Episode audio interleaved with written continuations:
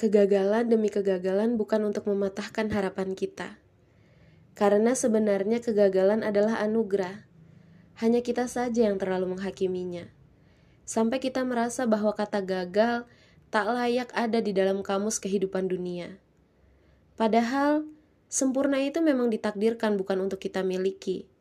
Yang ada hanyalah manusia-manusia merasa sempurna seperti Firaun yang merasa bahwa ia adalah yang terkuat, tanpa kelemahan, tanpa kecacatan. Karena setiap keinginannya selalu terpenuhi, memiliki banyak pasukan, berhasil membangun kerajaan yang begitu megah. Tanpa sadar, itu membuatnya begitu angkuh sampai mengaku sebagai Tuhan. Dan itu adalah kesalahan yang membuat Firaun ditenggelamkan. Bukankah ternyata memiliki segalanya semua keinginan terpenuhi juga bisa menjadi bencana.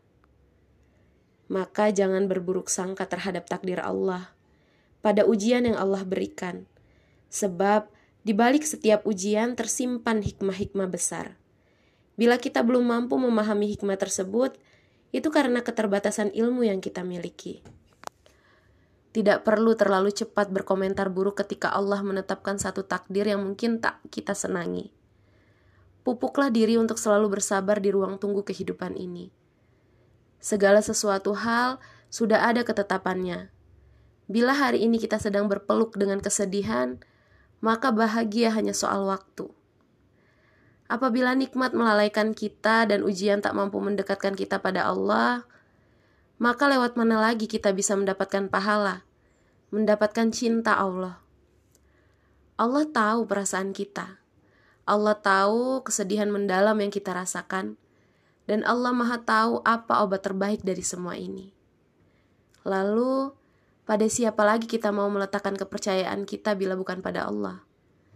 Adakah yang lebih menyayangi kita daripada Allah? Adakah yang lebih mengerti kita daripada Allah? Adakah? Remember this. Takdir Allah itu selalu yang terbaik. Bila terasa belum baik, berarti takdirnya belum selesai. Sabar, sabar, kuatkan kesabaran.